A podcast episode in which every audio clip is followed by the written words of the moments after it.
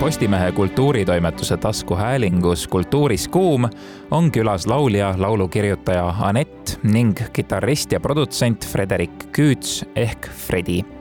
Anett ja Fredi annavad üheksateistkümnendal septembril välja ühise albumi Read Between the Lines, mida nad koos suure bändiga esitlevad oktoobri lõpus toimuvatel kontsertidel kuuleme saates lähemalt, kuidas nende mitu aastat kestnud koostöö toimib mida võib oodata uuest albumist ja kontsertidest ning mõtiskleme veidi haavatavuse ja usalduse üle, mis muusikute jaoks on oma töös eriliselt tähtis. Aneti ja Frediga vestles kultuuritoimetuse ajakirjanik Ralf Sauter. tere, Anett! tere! tere, Fredi! tere! Te olete lahutamatuks tandemiks justkui saanud ja enne kui me hakkasime salvestama, siis jälle käis see jutt, et pilti tehes ei tohi teineteisele liiga lähedale minna, sest jälle hakatakse arvama, et paar. aga see käib vist paratamatult kaasas, kui niimoodi tandemina esineda, mees ja naine koos teevad kahekesi uue albumi, need jutud ikka hakkavad käima paratamatult, eks ole? paratamatult jah, aga, aga noh, see comes with the gig või kuidas nad ütlevad, ju siis, ju siis on nagu vaja seletada inimestele, et et tegelikult saab nagu lihtsalt loominguliselt ka partnerlust jumala hästi ajada niimoodi, et ei pea kuidagi romantiliselt seotud olema. no eks see nende lauludega ka seotud võib-olla, et, et esimene singel on ka I wanna know about love ja mm. see... kuigi noh, me ise võtame seda rohkem nagu seda kirjutamist kui nagu teraapiasessiooni, et yeah. me nagu arutleme kõigi asjade üle ja ja tahes-tahtmata noh, see loomingu või see kirjutamise kuidagi keskkond peabki olema, ma arvan, et äh, väga selline ähm, palju usaldust on seal vaja, et, et olla nii haavatav võib-olla jah aga jah, et ikka meil on vaata parimad sõbrad, kellega me räägime kõikidest nagu hinge asjadest, aga lihtsalt siis, kui see kuidagi manifesteerub lõpuks nagu niimoodi, et et sa saad sellest koos ka lugusid kirjutada, et meil tõesti on see usaldus olemas täpselt samamoodi nagu räägiks oma, räägimegi, noh, me oleme lihtsalt nii head sõbrad, et me saame arutada neid asju ja siis nendest lugusid kirjutada, et see jah on, on mille eest tänulik olla. huvitav on see, et, et arutada kõiki asju, tead, noh, et me mõlemad teame, et me usaldame üksteist ja et see jutt mitte kuskile ei jõua, kui siis mõne loo sisse, et see on jah, aga kui, siis mõne loo sisse no jah, huvitav ongi see, et paljud ilmselt mõtlevad, mõtlevad laulu kirjutamisest kui sellisest kuivast tööprotsessist võib-olla, aga samamoodi, samamoodi kui Ed Sheeranil hiljuti, hiljuti oli see kohtuasi, kus teda süüdistati mm -hmm. plagiaadis ja tema laulud kõlavad liiga sarnaselt mingitele eelmistele lauludele. siis kohtus ta tegelikult läks ka nii sügavale sellesse protsessi ja selgitas, kuidas ta ka mingi kaasmuusikuga koos oli laulu kirjutanud ja kuidagi läks nagu tagasi aega, kui see laul nii-öelda sündis ja tegelikult see tundus kuidagi nii maagiline hoopis vastupidi, vastupidiselt sellele, mida paljud arvavad, et see võib-olla on. naljakas, ma just arvaks, et inimesed arvavad, et see on palju maagilisem, kuigi siis lõpuks noh, et see kirjutamise osa on nagu, on väga loominguline ja cool, aga see produtseerimise osa võib mingil hetkel minna siukseks, et sa lihtsalt, sa pead ära tegema, sa juba tead, mida sa teed ja siis sa pead execute ima kuidagi nagu minema ja jah, et see, ma pigem üks, just arvaks, et, et inimesed, kes ei ole nagu mussiinimesed, arvavad, et see kõik on lihtsalt no nii, nii lahe, vaata ja kõik stuudios, aga tegelikult see on nagu võib-olla seda küüni, küünilisust on isegi aina rohkem, sest äh, noh, mulle tundub, paljud inimesed kuulavad muusikat nii-öelda taustaks lihtsalt, võib-olla panevad raadiost mängima. nüüd on kogu see tehisintellekti teema, et oh, et me võime lihtsalt lasta masinatel sedasama teha, mida inimestel ja võib-olla see tekitab natuke sellist küünilisust, et, et laulu kirjutamine on midagi kuidagi enesestmõistetavat, ma ei tea tegelikult ka muidugi. aga kui te omavahel, kui kaua te olete koos, koostööd teinud, mitu aastat juba, on ju? alates kaks tuhat üheksateist ehk siis, mis ta on nüüd neljas aasta jookseb või? ja, ja, see, ja see sai alguse kuidagi väga ootamatult sinu kaudu, Fredi, et sa lähenesid lihtsalt Anetile ja yeah. ütlesid, mis, mis õhtu, mis, mis ajal see juhtus? see kontekst oli see, et Anetil oli KPK-s oli enda EP esitluskontsert ja, ja siis ma olin vännanud varas, vännanud fännanud, vänn olin varasemalt fännanud Wilhelmi ja Aneti enda soolosingleid ja siis seda plaati ka ja siis äh, ma läksin sinna esitluskontserdile ja mul oli niisugune periood, kus ma ei olnud nagu liiga motiveeritud kuidagi mussi nagu kirjutama ja üldse niisugune nagu loominguliselt kehv aeg. Ja siis ma mõtlesin, et ainuke viis, kuidas ma olen varasemalt tundnud, et ma päriselt saan sellest muusikast seda, mille noh, mille pärast ma seda teen, on siis, kui ma teen inimestega koostööd ja saan koos kirjutada, saan koos mängida. ja siis ma tegin, mul oli niisugune mingi list, mille tipus oli siis Aneti nimi Äh, seal olid mingid nimed, kellega nagu potentsiaalselt võiks koostööd teha. ja siis üht, ühtede esimeste seas, kellega ma siis ühendust võtsin tol perioodil oligi Anett ja siis õnneks ma olen pidanud selle listiga liiga kaugele rohkem minema ja siis, et nüüd me jõuame, jõudsime selle albumini ka. no kõik inimesed, kes seal listis pärast Anetti võib-olla olid, mõtlevad, et ai pagan, et ma oleks tahtnud ka yeah. ei, sorry, aga lihtsalt nagu mul lihtsalt joppes juba esimese korraga, et mul ei ole vaja nii hullult nagu. kui, kui tihti seda juhtub näiteks Anett, et äh, keegi tahab koostööd teha ja siis sa pead selle üle natuke mõtlema, võib-olla uurima, kui palju selliseid võimalusi tekib, kus keegi niimoodi võib-olla ootamatult läheneb ise mm,? aeg-ajalt ikka tuleb ette, ma mõnikord saan ikka mingeid kirju ja mingeid demosid ja, ja nii, aga, aga kuidagi, kuidagi ei ole, ei ole otseselt siiamaani mingit nagu sellist eh, esimese, esimesel kuulamisel või mingit demo kuulamisel kohe mingit niisugust eh, klikki olnud, et, et eh, ma ei saa edasi minna nii, et me ei tee selle looga midagi näiteks. et võib-olla ei ole väga minu stiil olnud või ei ole nagu kuidagi, jah. kuigi ma nagu korra võtan selle hetke ma eile just mõtlesin selle peale, et kui mina sulle lähenesin, siis esiteks mul ei olnud seda mingit Fredi mingisugust Spotify mingit artisti ei olnud olemas ja ma olin teinud lihtsalt nagu erinevates koosseisudes, mängin pilli, kirjutan mingeid lugusid, aga no tegelikult keegi, noh, et kus sa üldse midagi kuulnud olid, et see usaldus sellest, et ma ei lähenenud demoga, ma ei olnud sihuke, et näed, siin on mingi lugu, kas sa tahaksid laulda, vaata. vaid see oli lihtsalt tema usaldus minu suunas, et davai, proovime ja siis läksime, kirjutasime esimesel päeval Write about me ja, ja siis sealt edasi on nagu the rest is history onju, aga ikkagi, et see, et kust kohast tuli sinul see, et okei okay,, davai, lähme teeme, ma ei saa nagu tegelikult nüüd tagasi mõeldes ma tegelikult ei saa aru, et kust see tuli.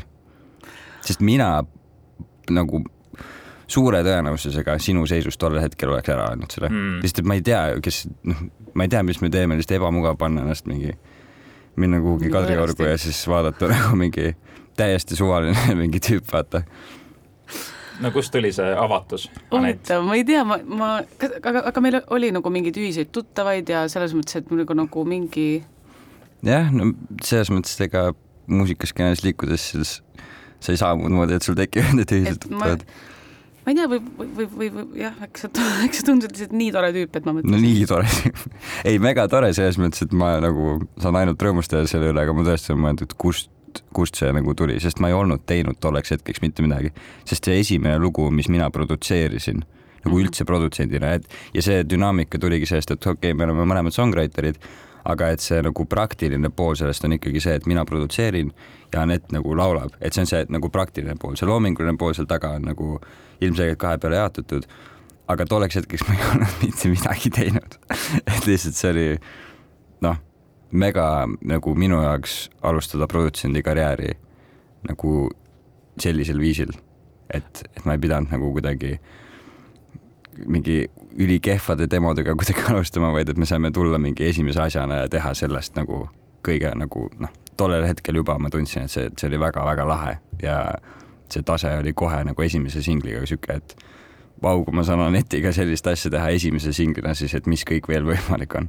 ja pluss, kui sa olid juba Anetist teadlik ja, ja tema austaja selleks hetkeks, kui sa ennast välja pakkusid talle mm, -hmm. siis võib-olla see aitas ka nagu produtsendina temale läheneda, et sa olid juba teadlik sellest, et kuidas Anetti maksimaalselt nii-öelda lauljana äh, kasutada. Võib-olla tõesti jah no kuidagi siukseid termineid kasutada, muidu yeah. jälle seda loomulikult. veel, veel, veel parem oleks ära kasutada et äh, jah, et, et tegelikult see koostööprotsess ju nõuab seda haavatavust ja usalda, usaldust, et mis hetkel, kas oli üldse selline hetk, kus te tundsite koostööd tehes, et vau, et meil on see klapp tõesti olemas? suht alguses kohe minu arust esimesel sessioonil. see on, see tegelikult saab hästi kuidagi kiirelt selgeks, et ähm, äh, okei okay,, üks, üks asi on see, et seal, et selles ruumis tekib see mingi usaldus, on ju, ja mõnikord sa tunned, et sa pead ütlema, et kuule, lepime kokku, et see, mis me siin toas täna räägime, et äh, see jääb meie vahele, no mitte nüüd siin täna, on ju, mhm. see ei jää kindlasti meie vahele, äh, aga nagu üleüldiselt, ähm, aga mõndade inimestega sa isegi ei tunne, et sa pead seda nagu ütlema, et see on nagu given kuigi, kuigi, kuigi isegi või? nüüd, kui me neli aastat hiljem nüüd teeme, noh, teeme ikka veel nagu mussi, siis vahepeal on sihuke, et okei okay,, nüüd me teame seda mõlemad, aga ma ikka igaks juhuks ütlen korra üle, et nüüd aastaid hiljem ikkagi, et sa paned mis näitab minu jaoks seda, et see ei ole sihuke, et, et, et me päriselt ära kuritarvita seda usaldust, vaid sihuke, et ma jätkuvalt panen endast nagu mingi sihukese tüki siin nagu loomeprotsessis lauale, mida ma ei noh, mida ma ei too vestlustes nagu lähedastega ka sageli üles, aga et see jätkuvalt on selline usaldus, kus ma olen mingi, ma ütlen nüüd sulle midagi, mida, mis ma arvan, et võib panustada sellesse, et noh, et kuidas me mõistame nagu maailma ja kuidas me saame lugusid kirjutada, aga et ma ei räägiks seda kõigile. Ja et siiamaani vahepeal on vaja seda öelda, mis on minu arust just isegi lahe, et ja ma tuletan meelde, et ma olen praegu ülihaavatav ja nagu ja noh, me kunagi ei kuritarvitaks ja, ja kunagi see ei jõua kuhugi mujal, kui võib-olla mõnesse lukku on kas ma võin küsida, et kas selline oskus olla haavatav ja teisega seda kontakti luua muusikuna, kas pigem see on enne juba olemas, kui te saite muusikuks või see peab lihtsalt kaasas käima muusi-, pärast muusikuks saades, saamist? et kumb, kumb nii-öelda enne on, kas oskus olla haavatav või see muusikuks olemine mm.? täiega huvitav küsimus Äh, mina ütleks, et mussi tegemine on teinud mind äh, nagu haavatavamaks. pluss mul just oli vestlus ähm, teemal äh,, noh, et, songwriter'ina sa peadki kuidagi olema, noh, et veits need mingid hingeasjad on, hingeasjad ja selle, nende asjade nagu sõnastamine ja ja just see nagu riimipanek ja kõik see nõuab ikkagi mingit teatavat sisekaemust ja siis ka seda, noh sõnastamisoskust või ma nagu ei teagi. aga et seda on, seal on mingi naljakas dünaamika sellest, mismoodi on, just rääkisime sõbraga mehelikust õrnusest mm -hmm. ja sellest, mismoodi mehed äh, sageli ei suuda olla teiste meestega õrnad ja rääkida sellistel teemadel ja siis miskipärast tuleb nagu, et kui mingil kutil on mingi hea sõbranna, siis temaga ta saab oma hingeasjadest kuidagi rääkida kuidagi lebamalt lihtsalt, et miskipärast see on mingisugune asi. ja ma hakkasin kohe mõtlema, siis paneme seda nagu songwriting konteksti ja olles äh, just tulnud protsessist, kus me saime väga palju oma läbi elatud kogemusi panna nagu nendesse lugudesse. mis ma nüüd näen, et on sihuke iga-aastane mingi protsess, et see noh, et sa saadki ennast enda kogetu kuidagi panna nendesse lugudesse ja siis see on hästi selline teraapiline kogemus vist isegi, ma ei tea, kas sa ütleks niimoodi, aga aga et see, ühesõnaga, et see on hästi ilus asi ja eriti just sellises nagu poisi-tüdruku kombos ja tuues neid perspektiive kuidagi nagu nii naise poolelt kui mehe poolelt ja siis pannes sellest mingisugune lugu kokku on äh, jah, et see on võimas, mul läks alguse mõte juba täitsa kaduma, aga mõte jooksis nii kiiresti. voh, jah, mingi sihuke mõttevoog oli praegu aga uus äh, singel on ilmunud teie värskelt albumilt, äh, mis ka kohe välja tuleb ja sellega kaasnevad ka muidugi kontserdid, äh, plaadiesitlus, selline atmosfääriline. ja esimene singel on siis I wanna, I wanna know about love, nii et mis, mis toob muusikuid muidugi selle armastuse teema juurde alati tagasi, mis on täiesti möödapääsmatu, mulle tundub. lasen kohe Anetile sellest rääkida, aga tegelikult see on teine singel. sest teine. esimene singel oli Low Key ja see on nüüd teine singel ja siis nüüd homme tulebki kogu album ja siis on, seal on kõik kõik siin kõik. üheksateist september. üheksateist september. jah, et see armastuse teema, ma ei tea, noh, jama on, kui ta on ja jama on, kui teda ei ole nagu rahaga. et äh, jah, one of those things kuidagi ähm, pakub nagu palju kõneainet ja pakub võib-olla palju sellist ähm, või noh, paneb nagu äh, ükskõik mis võtmes kuidagi endasse vaatama, kas me räägime nagu noh, selles mõttes, ega ma ei saa ka öelda, et kõik meie lood räägivad armastusest selles mõttes, aga no ütleme et armastusel on ikka alati, see on nagu mingi baas kuidagi asjades ehm,. Ütlen ka selle ära, et me ilmselt ei ole esimesed ega viimased inimesed, kes kes leiavad, et see teema on väga inspireeriv ehm,. aga see on ma ei tea, sellega kaasneb nii palju tundeid ja mõtteid ja olukordi ja ja paljud neist on universaalsed, paljud neist ähm, ei ole universaalsed, aga siis, kui sa kuuled kellegi teise lugu, siis sa mõtled, et mm, ta on väga huvitav ja siis võib juhtuda, et sa hoopiski kunagi tulevikus satud sellesse samasse olukorda. et ähm, ma ei tea, mina olen, olen ise kindlasti muusikas väga palju selliste teemadega suhestunud ja ma loodan, et äh, meie kuulajad leiavad ka nagu mingeid samastumise kohti või ma ei tea, minu arust on see nii eriline tunne, kui sa kuuled mingit lugu ja saad mõelda, et et issand jumal, see on täiesti võimatu, mul on niisugune tunne, et see täiesti mingi võõras artist kuskilt USA-st. Mul on niisugune tunne, et ära noh, eh. mismoodi ta teab, see ei ole võimalik, et eh, eriti lahe ongi, kui see on spetsiifiline, vaata hästi spetsiifilist olukorda kirjeldav, siis see just ongi see, mis inimestega veel rohkem kuidagi noh, et, et võib-olla sa kaotad selle universaalsuse ära, kui sa hästi spetsiifilisest mingist asjast räägid, aga kui sa kellegagi connect'id, siis oi siuksel tasemel, et oi-oi-oi, vaata. ja see on, see on väga äge ja kahjuks üks, ma ei tea, kas kahjuks või õnneks, aga et jah, kõik, kogu selle nagu nende temaatikate juures üks ja kõige olulisem märksõna vist lihtsalt on armastus. see on see koht, kus minu meelest üldse kunst ja kogu muusika päriselt tööle hakkavad, see on see hetk, kus loomeinimene on haavatav ja avab ennast kuidagi mm -hmm. ja mhm. seeläbi annab teistele võimaluse kogeda sedasama või, või anda selle julguse või anda mingit tuge, ma ei tea, mina ise olen, olen, olen muusikast palju tuge saanud ja mitte ainult nagu muusikast kui sellisest, vaid ka nendest nagu võib-olla mingitest teemakäsitlustest või et, et see on, ma arvan, et tihti on niisugune tunne, et sa oled, oled üksi milleski, millest sa ei taha võib-olla taaskord kõigi inimestega nagu rääkida või see, et on palju asju, millest inimesed omavahel ka ei räägi, et siis on nagu selline tore, tore samastumise hetk. Pluss ma tunnen, et väga raske on mitte rääkida armastusest, et isegi siis, kui sa räägid äh, üksi olemisest või melanhooliast mm. või millest iganes, siis tegelikult sa räägid ju armastusest, sa räägid sellest, mis noh, oma noh, et see sisekaemuslik moment tekibki sellest, et sa hoolid millestki väga või kellestki ja, ja selle puudumisel sa ka räägid ju sellest hoolimisest, sellest armastusest. et äh, tuli lihtsalt meelde, et taandub ühte kohta. jah, et see taandub kõik ühte kohta, ma hakkasin mõtlema praegu, et kunagi Queen'i trummar vist tahtis teha siukest lugu, mul on see vist dokist meeles, oli siuke lugu nagu I love my car, ta vist kirjutas oma autost nagu mm, yeah. noh, räägib ka armastusest, lihtsalt see, see on laul, millega paljud Eesti noormehed kindlasti suudaks äh, suhestuda et armastus, mis ei, ei, ei katke. sa ei taha enda Audist mingit lugu kirjutada või? ei ole mõelnud selle peale? ei ole, ei ole praegu tulnud kas te ütleksite, et see uus album Read Between the Lines on mõeldud pigem neile, kes veel otsivad armastust või on selle leidnud kõigile, kes on kunagi seda kogenud jah, kõigile, kellel on üldse tunded võiks olla see mida, mida see tähendab üldse read between the lines mm.? see noh, selle albumi nime juurde jõudmine tegelikult ei olnud nagu mingi kõige lihtsam protsess, aga siis kui lihtsalt see albumi peal oli siuke lugu nagu Read Between the Lines um,. ja siis, kui me lõpuks jõudsime selleni, et oh, nüüd peab päriselt nagu homseks peab ära otsustama, mis see albumi nimi on, siis um, siis me nagu mängisime igast mõtetega ja lõpuks oli siuke, et noh, et kui me jõudsime selle mõtte, et aga mis siis, kui see oleks albumi nimilugu ja et mida see siis nagu tähendab, siis see reaalselt, see mõjus nagu veits mingi koju jõudmine, et aa, no muidugi, noh, loogiline ju, et see on see, millest me nagu räägime. et äh, jah, tahad sa kuidagi?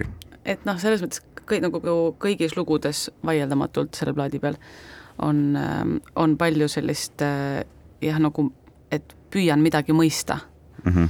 ehk siis kuidagi Read Between the Line tundus nii hea, hea niisugune katus nendele kõigile lugudele ja mõtetele, et, et vahet ei ole, millele või mille, mis me parasjagu analüüsime või millele me mõtleme või mida me püüame, ma ei tea, endas kuidagi, mis iganes, mingisugune sissevaatav äh, dialoog, et, et siis päeva lõpuks me püüame ikkagi kogu aeg lugeda ridade vahelt mm. -hmm. et see on selline, tundus ilusa kokkuvõtva mõttena selle plaadi jaoks.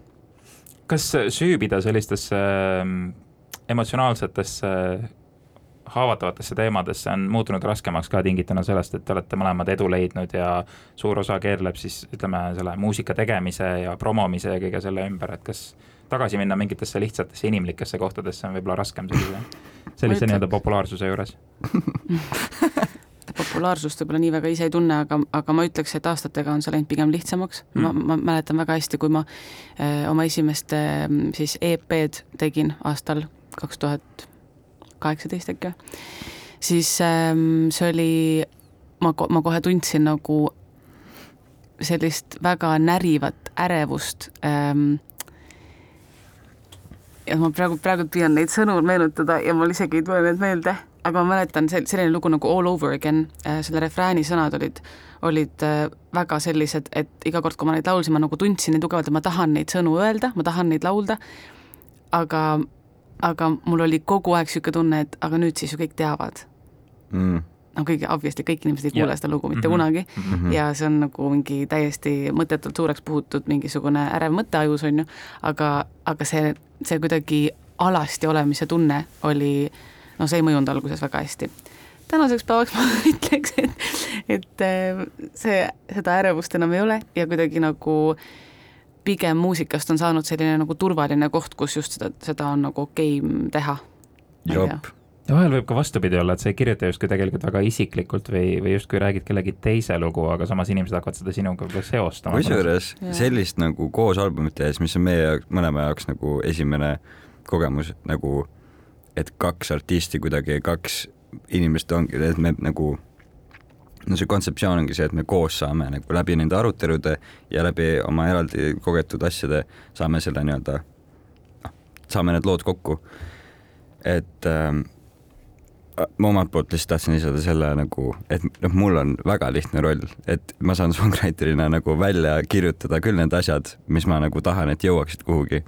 Aga Anett saab neid laulda oma ilusa häälega, et, et mina ei pea nagu oma mingi karvase jorinaga seal midagi nagu noh, ma ei pea nii alasti olema kuidagi, aga ma tunnen, et noh, ma saan need välja ikkagi, et hästi nagu huvitav kombo sellisest nagu et ma ei tunne, et ma oleksin nagu inimesena kuidagi edev, sest ma saan välja elada ennast läbi, noh, läbi näiteks laval olemise, läbi esinemise, et kogu mu noh, miks, miks ma päriselus pigem hoian ennast kuidagi, päriselus hoian ennast pigem nagu hästi siukse nagu et mind ei ole nagu igal pool väga palju, vaid ma väga hoian nagu e-, omakeskis, olen enda, jah, ühesõnaga hoian omaette taustajõud nii-öelda. jah, et siis, aga et ongi, et ma saan laval ennast äh, nagu välja elada ja siis, kui ma saan, ongi need mingid haavatavad mõtted kuidagi Aneti häälega vokaliseerida maailmale, siis no problem,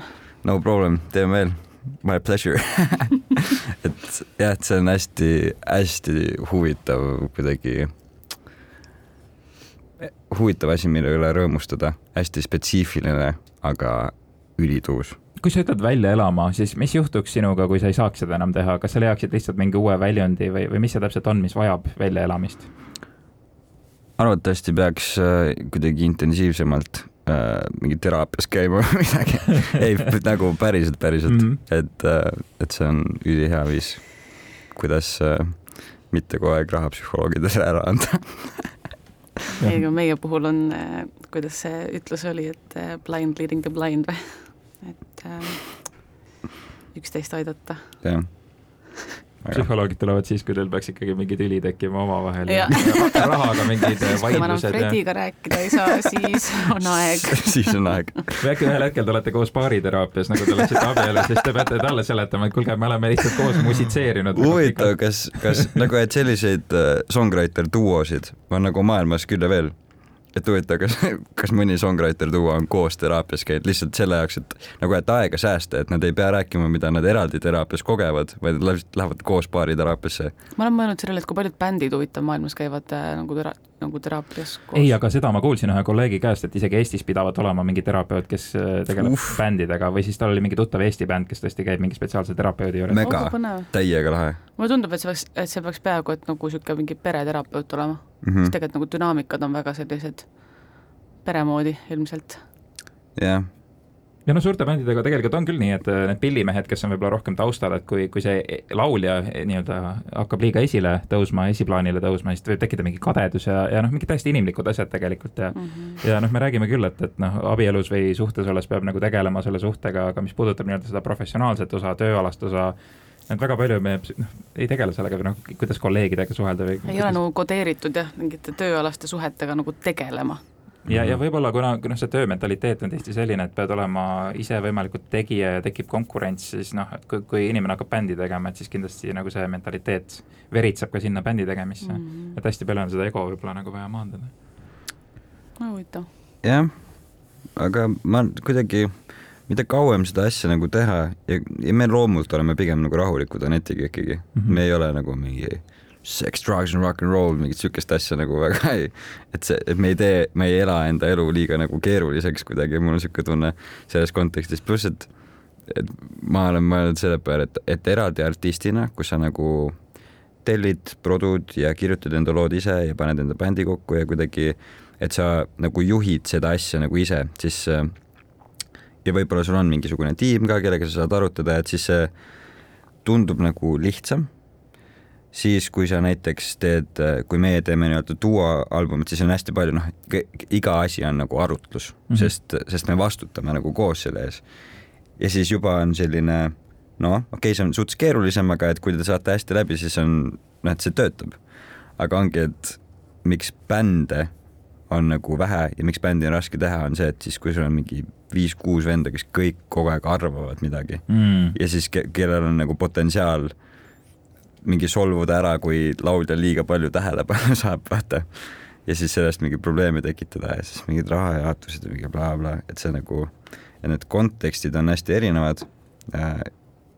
aga ma näen, et, et meie puhul see duo asi saab töötada ka noh, sellepärast, et me oleme küllaltki sarnased inimesed ja et see arutlus on pigem alati hästi selline siiras ja südamlik ja, ja just mis ma ise kõige rohkem hindan selle puhul, et meil on nagu lõbus, nagu et meil on fun koos, et isegi siis, kui on mingid raskemad vestlused ja on vaja midagi nagu hullult arutada ja me ei ole samal lehel, siis päeva lõpuks nagu, et me tuleme sellest niikuinii läbi ja ma tean, et selle nagu see alatoon on kogu aeg see, et meil lihtsalt on lõbus nagu, noh päriselt, et me vist muidu ei viitsiks, et kui kui meil ei oleks nagu nii palju neid hetki, kus me mõlemad kõkutame kuskil stuudioseinte vahel, et siis nagu, siis tegelikult ei viitsiks seda nagu tervet albumit ühe inimesega teha. See oleks jah, see ole, äh, oleks võinud olla väga piinarikas protsess mm. -hmm. kui meil oleks üldse lõbus olnud. no, no pluss see, kui tekib mingisugune tüli ja hakata vimma pidama lihtsalt, siis see mõjutab ka neid kontserte, mis hakkavad olema, et tuleb kiiresti nii-öelda edasi. me sõidame alati kontserdile eraldi autodes ei ole nii, ma ei usu, te olete mõlemad Aneti Audiga rõõmsad. mõlemal on oma terapeutkõne selle jah, telefoni otsas, ma hakkan nüüd kohale jõudma. aga, aga selle bändiga seoses mulle muide uuel laulul väga meeldib see saksofon, et, et seal see instrumentatsioon on väga kuidagi hõrk. seal on isegi trompet, seal mängib trompeti tuututamisel Jason Hunter.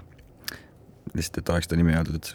Jason Hunter, ta on, elab Eestis või? ahaa, okei okay et ta on tulnud Ameerikast mingi hetk Eestisse mm -hmm. elama täitsa või? ja, ja ta nüüdseks on juba mingi. nimi on tuttav igatahes. tead, mingi üheksa-kümme aastat, ta on väga sihuke prominentne trompetimängija Eesti muusamaastikul. ja, ja veel selle viimase singli puhul ära mainida, et seal ka minu väga hea sõber, meie hea sõber Sander Mölder tegi keelpilliseade ja ta, ta muidu, ta, on väga hea tšellomängija muidugi mm, -hmm. aga ta ei mängi üldse tšellot ja siis ma tahtsin, et, et, et okei okay,, kui sa teed keelpilliseade ja siis seda oli nagu noh, arvutis oli see mingisugune osa asjast olemas ja ma ütlesin, et ma tahan, et siin nagu mängiks päris tšello ka, mul on vaja seda toorust, mul on vaja kuulda seda poogna kriginat ja ma ütlesin, ma ei taha kedagi muud, ma tahan, et sina mängiks. ta ütles, et oh, ma ei tea, kas mul tšello isegi on nagu, see mingi, seal on mingi asi, mingi mõra on kuskil sees, ma ütlesin, et jumala suva, et tule nagu stutsi ja proovime. ja siis tegime, mul on nii hea meel, et ma sain salvestada Sander Möldrit tšellot mängimas. nii et ma tunnen, et see oleks ka, see oli mingi asi mu nagu selles bucket list'is ja nüüd ma sain sinna linnukese taha panna. kas see, see uus album on salvestatud samamoodi nagu Anett sinu viimane oli, et kõik oli hästi selline koos korraga mängitud nii-öelda nagu live album? täpselt vastupidi. vastupidi jah, eraldi ja.. et paljud osad salvestati eraldi sisse ja pandi mm -hmm. kokku mm.. see kõik sai, mis sa arvad, kui suur see stuudio on, mingi kümme ruutmeetrit. nagu, nagu vähem, see siin jah? ei, see on väiksem kui see tuba, näiteks kus me praegu oleme, on see stuudio, mina ja Sander jagame siis stuudiot. Ja hästi nagu pisike ruum, aga just minu arust ongi see üli nagu lahe, et see on nii pisike ruum, sul on nii vähe asju vaja, siis on vaja nagu ise kirjutada need lood ja siis äh, no selles mõttes me noh, kui juba nagu nimede nimetamiseks läks, siis nagu siin albumi peal mängib ka väga palju ägedaid muusikuid, nii palju kui os-, kui ma oskasin, ma tegin ikkagi ise nagu, et trummi programmeerimised ja kitarrid ja ja mingite lugude isegi bassid ja asjad, aga, aga lõpuks ikkagi see, kui suur äh,, kui suur osa sellest äh, selle albumi nagu helipildist on näiteks Jason Hunter kogu oma selle äh, trompeti mingi hullusega ja, ja Mairo Maarjamaa, kes mängis saksofoni ja Heiko Remmel, kes mängis bassi.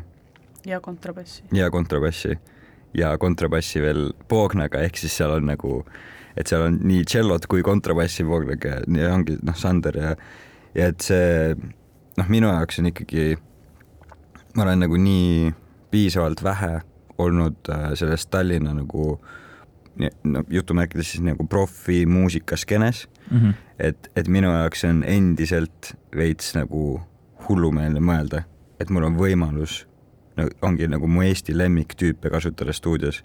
Ja see, et nad, et mul, need, mul on telefoniraamatus need nimed ja need numbrid ja ma helistan ja nad on mingi davai, kas, kas täna või homme? Ja nad on teemast tulema, et see on, et kui ma natuke välja zoom in ja mõtlen selle peale, et, et kui, kui kaua mina olen seda asja teinud ja kui kaua ma olen neid tüüpe tundnud ja see, et, et nad on nõus tulema, see on minu jaoks täiesti noh,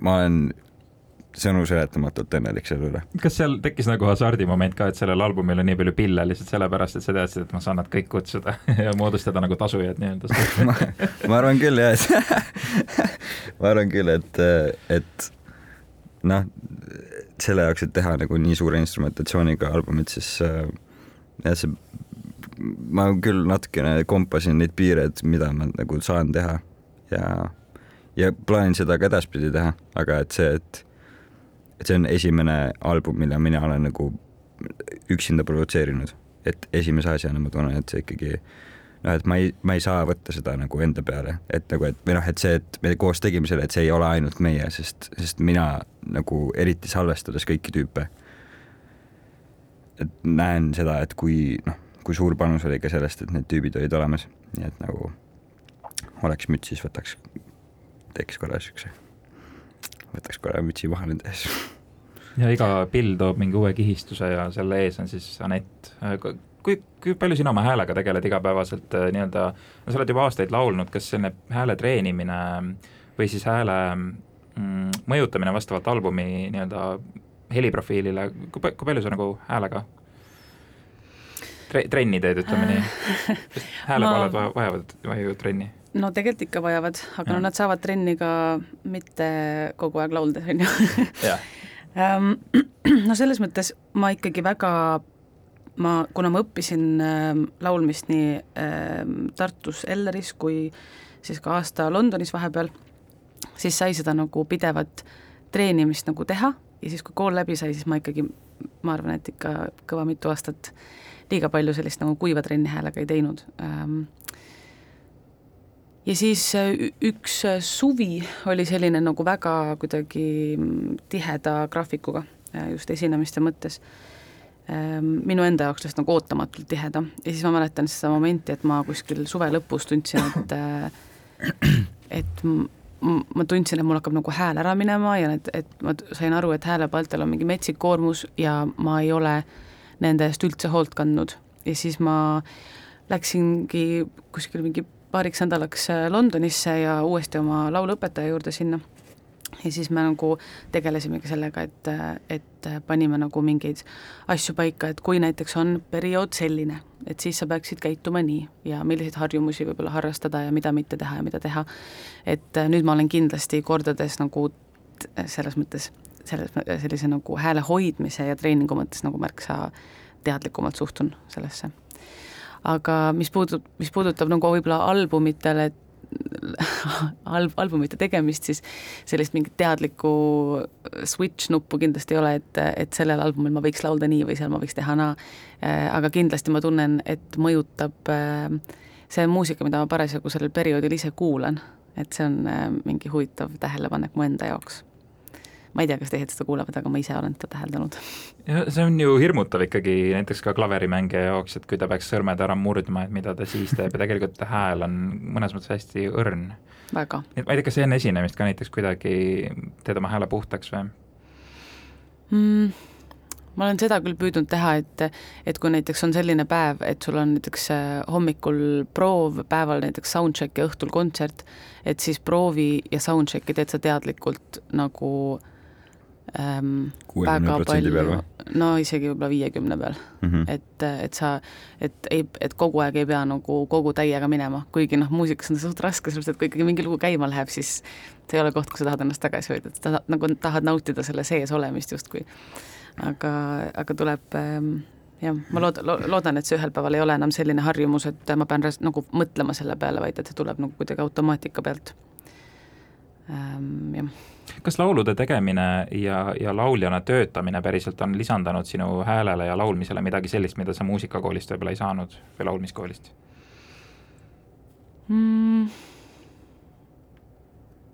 jaa, kindlasti ma arvan, et, et ähm, Äh, see ei ole võib-olla kõige ilusam väljend, aga, aga selline teatud mõttes nagu mingi kilometraaž annab, äh, annab kindlasti palju juurde, et äh, ma arvan, et see eelkõige kujundab sind lauljana, et kui võib-olla õpingute ajal sa pead palju teiste loomingut laulma ja, ja palju teiste loomingut kuidagi nagu tõlgendama ja, ja jah, ja kuidagi äh, tihtipeale ikkagi jäävad mingitest lugudest ka mingid äh, maneerid, näiteks nagu tulevad lihtsalt kuidagi automaatselt kaasa, et ah, mulle nii meeldis, mismoodi tema seda kohta laulis, et ma ikka tahan ka samamoodi teha, on ju. Mhm. aga siis, kui see kuidagi õpingute keskel enam ei ole, vaid peadki ise kirjutama ja ise tegema ja ise mõtlema ja ise laulma siis on selline ilus ruum, kus sa saad nagu iseendal lasta kujuneda. äkki iseendaks kasvamine veits kõlab yeah. nagu mm -hmm. väga, väga lahe täiega lahedalt sõnastatud kuidagi, sihuke veits nagu keeleliselt või ma tunnen, et pillimängus on ka selline, et et on mingid tüübid, kes enam ei ole sihuke, et nad oskavad neid lugusid mängida, vaid sa tunned ära, et et sa, et kui sa võrdled näiteks kahte, ma ei tea, bassimeest näiteks, et siis nende võrdlemine kuskilt maalt ei ole see, kas nad mängivad need lood ära, vaid sa võrdleks nagu seda, kuidas nad räägivad, sest see on noh, see on nii, igal tüübil on juba nii nagu oma stiil kuskilt maalt et kui sa oled juba proff ja siis sul tekib täiesti mingi oma stiil ja siis see veits on selline, nagu sa võrdleks inimese nagu rääkimisstiili või tema lugemust ja sõnavara, veits selline nagu vibe. ja ma kujutan ette, et lauljana on ka sihuke, et sa kasvad rohkem iseendaks ja saad aru, et, et mis see nagu, mis su hääles nagu peitub üldse. see salapära on täiega lahe või see maagia selle nii laulmise kui pillimängu kui üldse loomingulise töö juures, see maagia ja ma rääkisin ka pianist äh, Holger Marjamaaga, kes just Eestis esines ja ta ütles ka, et isegi legend. kui legend ja ta on hämmastavalt hea ja ta ütles ka, et isegi kui kedagi kopeerida, siis tegelikult ikkagi sa teed seda omamoodi, et, et sellest, sellest iseendast ei, ei saa vabaneda mitte mingit pidi aga me saame siinkohal liikudagi edasi nende suurte kontsertide juurde, mis toimuvad äh, septembri lõpus, üks on vist kakskümmend seitse september, teine oktoobri lõpus. vabandust, andke andeks, oktoobri lõpus. Aga nii, nii kaua aja pärast äkki album juba tuleb? no et ikka inimesed saaksid äh, kuulata juba ja Neil tekiks mingi oma seos nende lugudega ja siis, kui nad seal kontserdil on, siis näpud püsti. Ei, me tõesti tahaks me kuidagi mõtlesime ka vist, et, et jah, et anda inimestele aega, et nad saaksid nagu tutvuda selle materjaliga, pluss et äh, ka just Te ootate ikka, et kui nad kohale tulevad, siis neil on kõik sõnad peas ja nad laulavad peas. Kõik tahavad armastuse kohta teada saada midagi. Yeah.. ei, oh my god, see jääb nii hullult teile külge selle plaadiga. õudne, õudne ei, tegelikult kuidagi sai niimoodi, et need kontserdid said sinna oktoobri lõppu paigutatud ja mulle praegu tundub, et see on pigem tore ka, et et saab nagu hajutada seda, seda meeldivat eh, protsessi ja kogemust, sest et albumi väljaandmine on üli, üliäge, see on mm -hmm. ülitore tunne ja kahju oleks ka, kui see tunne saaks nagu mingi nädal aega läbi. nii et eh, mul on väga isiklikult vähemalt väga hea meel. kui ma oleks et... kõik kontserdid, kõik promosid, kõik raadioasjad, kõik intervjuud oleks kõik ühte nädalasse pannud, siis see oleks siuke toi, toi, toi ja siis järsku see on läbi ja sa tunned, et sa oled lihtsalt aga mis nüüd, et selles mõttes, miks ma tunnen, et see oli ülihea valik panna see esiteks see albumi väljatulek siis sügisesse siin ja et need kontserdid teha siis umbes sihuke kuu aega hiljem. kakskümmend seitse Paavli kultuurivabrikus, kakskümmend seitse oktoober ja kakskümmend kaheksa Tartus ERMis Black Boxis. vist, et oleks öeldud, tulge kõik äh, et kuna sügis on veits rahulikum aeg, siis ja eriti sihuke oktoobri lõpp on sihuke, issand jumal, muusikuna lihtsalt natukene oled nagu, et mis sai sellest juulikuu hullusest, vaata, et mis, mis värk on ja siis me väga taktikaliselt panime need sinna, et meil oleks koos midagi toredat teha. ja ma lugesin, et tuleb siis seesama suur bänd, keda albumil kuuleb ja siis te peate hakkama koos mängima ja laivis neid laule esitama. kas ja. see lisab mingi uue pinge, mida albumi tegemisel ei olnud? Mm, minu jaoks mitte nagu pinget isegi, aga selles mõttes, et see tuleb huvitav protsess ikkagi, see on no nüüd, kuna nüüd, kuna me oleme nagu teinud juba mingeid laive nende uute lugudega ja niimoodi, see on lihtsalt albumi tegemise hästi nagu lahe protsess, et, et, et isegi kui sa samal ajal et annad laive edasi, kui sa albumit kirjutad ja uusi lugusid kirjutad, siis et sa arvatavasti ei mängi nagu, et kirjutasin üks päev loo ja järgmine päev on live, et ma ei lähe seda kohe laivis mängima, sest noh, et see vajab veel settimist ja, ja et sa üldjuhul Anett mängib ka ikkagi lugusid, mis nagu väljas on mm. -hmm. aga nüüd, kuna see noh, kõik on nii lähedal, et kohe on album väljas ja me teeme neid laive ja juba veits selles formaadis, et näed, me tuleme esitama uusi lugusid, siis sa nagu pead uuesti ära õppima need lood, sest -hmm. et see protsess sai läbi nagu, et see album sai valmis juba kevade lõpus, suve alguses. ja siis äh, ma olen täheldanud, et ongi neid albumeid, mis ma olen nagu teinud ja salvestanud näiteks ka pillimehena. et siis, kui see kõik valmis saab, siis sa võtad selle hetke, et kogu see materjal maha võtta, sest ma ei, ma enam ei mäleta, mismoodi ma täpselt tegin seda. ja ja siis ongi, õpid need sõnad uuesti ja siis kuidagi ma tunnen küll, et, et nüüd oli terve suvi vahet, kus nagu liiga palju, ma meelega liiga palju ei kuulanud seda mm -hmm. albumit ja seda materjali ja siis äh,. kui siis natukene. kui siis natukene, aga et siis on sedavõrd suurem sihuke, saad uuesti armuda sellesse, mis nagu noh, et meile endale meeldib ka ikkagi see muss, mis me nagu tegime, et, et uuesti seda maha võtta ja olla mingi lahe raisk ja aga me oleme nii palju olnud nagu kahekesti selles, et nüüd tuua nagu bänd juurde ja seda kõike maha võtta, et see on minu jaoks pigem nagu põnev kui stress. ja Anett, mulle tundub, et sina eriti armastad just laivis esineda, et see on juba sinu eelmise albumi pealt oli aru saada, et, et see on sinu nii-öelda see atmosfäär, mida sa kõige rohkem armastad, nii et sina ilmselt ootad neid kontserte eriti. ja mulle, mulle meeldib see, et ähm see energia, mis, mis kuidagi laval tekib ja mis publikuga tekib, äh, et see on alati erinev ja see on alati nii ähm, see on alati olnud ja ilmselt alati ka jääb selleks, et see on nii kuidagi mm, nagu mingi kirjeldamatu energia, mis seal ruumis tekib. Ja, ja mm, selle sees olla on üks suur privileeg tõesti, et ähm, see on see, miks ma selle eelmise albumi Late to the party tahtsin nii salvestada, et just nimelt seda tunnet jäädvustada sest noh, muidugi tolle, tollel hetkel koroona tõttu ei olnud me keegi seda tunnet liiga palju tunda saanud mm., aga, aga noh, nüüd samamoodi, et eh, kõik laivid on ikkagi nii erilised ja, ja mida rohkem inimesi on laval, seda rohkem on kuidagi seda tunnet ja neid, neid dialoog läbi muusika, et see on see jagamine jah ja. Mm., hästi ilus, ilus asi on see kõik, jah. kas koroona on kuidagi mõjutanud ka kontserte nii, et seda on praegu veel tunda, et isegi kui inimesed justkui tulevad tagasi, kas see energia on kuidagi mis, mis see koroona on täiesti merest läinud ju no nüüd tänaseks vist. ma ei tunne küll enam midagi. naljakas, mismoodi see oli nagu kõik, millest me kõik üldse suutsime rääkida mm. ja siis nüüd on, mis asi, millal, oli jah kunagi? täiesti noh. Ära, ära hõiska enne õhtut.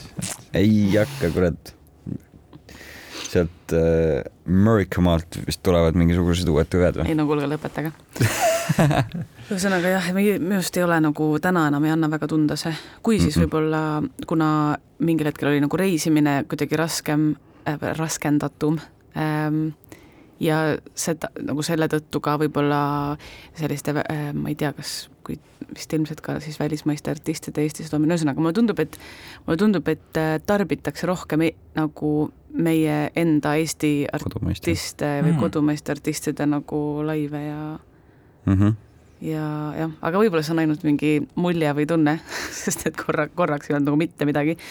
et siis nüüd tundub, et jube palju tarbitakse, ma ei tea, kas mingid numbrid ka seda toetavad, aga, aga mul on niisugune mulje jäänud, et reisitakse rohkem Eestis, osatakse rohkem hinnata võib-olla seda, mis meil siinsamas kodus tegelikult käes on, et äh, ei ole esimene mõte see, et äh, jookses kuskile kaugele, kaugele maale ja siis äh, loodaks, et et äkki siis seal on nüüd lõpuks midagi, mis on eriline ükskõik mis mõttes siis mm., kas kultuuri mõttes või ja kindlasti muusikutel oli see omamoodi eksistentsiaalne hetk, kui mõnda aega lihtsalt ei saagi enam esineda ja pead endale otsa vaatama ja mõtlema, et nii, et, et saad justkui aru, et tegelikult mida see väärt on endale. just üks päev otsisin kalendrist midagi, siis scroll isin nagu kuuhaaval äh, ajas tagasi. ja siis ma jõudsin aasta kaks tuhat kakskümmend märtsikuusse ja mõtlesin, et vau wow,, et äh, mis sul siin juhtus. ja siis ma sain aru, et aa, see oli, see oli siis, kui koroona algas, sest mm. lihtsalt Äh, kuni kolmeteistkümnenda, ei kaheteistkümnenda märtsini oli nagu mingi sada erivärvilist äh, mingit täpikest kalendris ja siis korraga oli täielik tühjus. siis mõtlesin, et vau wow,. kusjuures see oli ka, ja seda me kusjuures isegi mingis mõttes jagasime, sest ähm, just meenutasin ka, et oli Eesti Laulu finaal, kus me esimest, esimene lugu, mis me kirjutasime, oli Right Above Me aastal mhm. kaks tuhat üheksateist ja siis läks kaks tuhat kakskümmend Eesti Laulule. Ja siis, kui Eesti Laulu finaal oli ära, mäletad seda kuupäeva, mingi märtsi algus oligi, mingi esimene või teine või midagi taolist siis sellest järgmine päev mina läksin Ähvtakalt otse, läksin lennujaama ja siis äh, lendasin ühe otsapiletiga nagu reisima. ja ma läksin Itaaliasse ja ma jõudsin seal kaheksa või üheksa päeva olla ja siis tuli mingisugune koroona, mingi, mingi asi mm. -hmm. ja siis me olime kõik lukus, aga just enne seda oli olnud kogu see Eesti Laulu trall ja Anetil oli eraldi veel väga palju keikasid ja meil oli koos palju keikasid ja siis kogu see mingi telemöll sinna otsa ka, nii et see nagu davai, davai, läheb, läheb, läheb, oota ei lähe ikka mitte kuhugi, et see oli hästi suur kontrast. jah, naljakas, et see meie koostöö algus ka langes täpselt sinna aega tänavune Eesti Laulu konkurss just algas, te sel aastal ju ei, ei osale, aga mm. kas tulevikus plaanite seda veel teha? või te ei mõtle nii kaugele ette? Vist et never say never, aga, aga yeah. pigem vist me oleme kogu aeg seda mingi tunde pealt teinud, et yeah. ähm.... Never say never, aga praegu ei ole plaanis küll. ma ei tea, kas Eesti Laulule konkureerimiseks see laul peab ju täiesti uus olema, et te ei saa võtta näiteks selle albumi mm -mm. mõnda laulu, on ju, et see mm -hmm. see ei tohi nagu väljas olla. enne mingit kuupäeva, aga ma yeah. ei tea, mis see kuupäev on sellel aastal. no ma, ma arvan, et see on see laulude avalikustamise kuupäev ikkagi. ma arvan, ma ei, ma arvan, et see ei tohi olla mingi oktoobris välja tulnud, kui tegelikult novembri lõpus või detsembri alguses nad avalikuks teevad selle.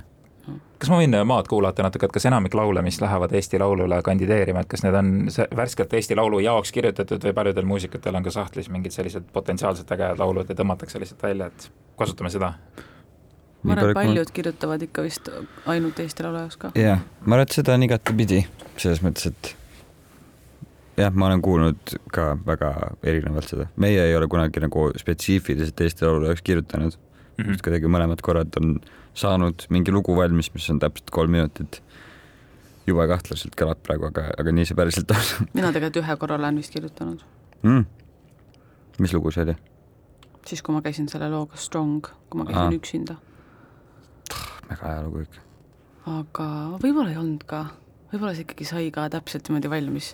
Ja ma ei tea, kas nad alati sellel hetkel kipuvad olema täpselt mingi kaks viiskümmend üheksa lood, et, et mahuksin on kolme minuti limiiti ja see on kuigi see nüüd võib-olla see peaks tõestama, et meil albumil ka nagu liiga pikkasid lugusid ei ole, kõik jäävad sinna kolme kanti.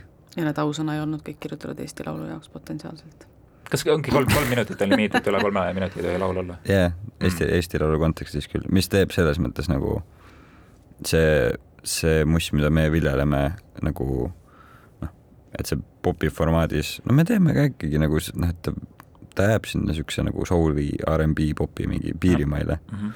aga et, et tavaliselt selles mussis on nagu rohkem mingid pikemad soolod ja, ja võtame aega oma introte ja outrotega, vaata. et äh, et ei ole see, et get to the point ja don't bore us, get to the chorus või kuidas see oli. et, et meil seda nagu ei olnud ja meil on albumi peal täitsa paar lugu, kus ei olegi näiteks mingi refrääni näiteks, et nagu noh, et me kuidagi ei, ei taha nagu alluda mingile asjale, mis nagu, et see nüüd peab nii olema, vaid tuleb nagu tuleb ja ongi veits hartsusem. aga jah, miskipärast huvitav, meil on tõesti kõik lood ikkagi jäävad sinna kolme, kolme kanti. Väga imelik ja neid äh, kolme minuti pikkuseid umbes lugusid saab kuulata uuelt Aneti ja Fredi albumilt Read Between the Lines, mis on väljas, äh, mis kuupäev see oligi? Üheksateist. näete, kui palju ma nagu äh, olen ette hoidnud, mul ei ole nagu paberid ees, aga yeah.. nii palju sa meid kuuladki. üheksateist september. üheksateist september ja albumi esitluskontserdid kakskümmend seitse oktoober Tallinnas ja kakskümmend kaheksa oktoober Tartus. ja suur tänu tulemast ja album on siis kättesaadav kohe Spotify'st igalt poolt, kus te muusikat kuulate, enamasti vist Spotify'st. ja kes tahab vinüüli, siis seda saab ka kas meile kirjutades kolm üks üks lehelt Terminalist, Rahvaraamatust, poolest, kus iganes, nii et sinu lähimast poest, mine ja osta endale vinüül ka. suur tänu tulemast! suur aitäh sulle! edu!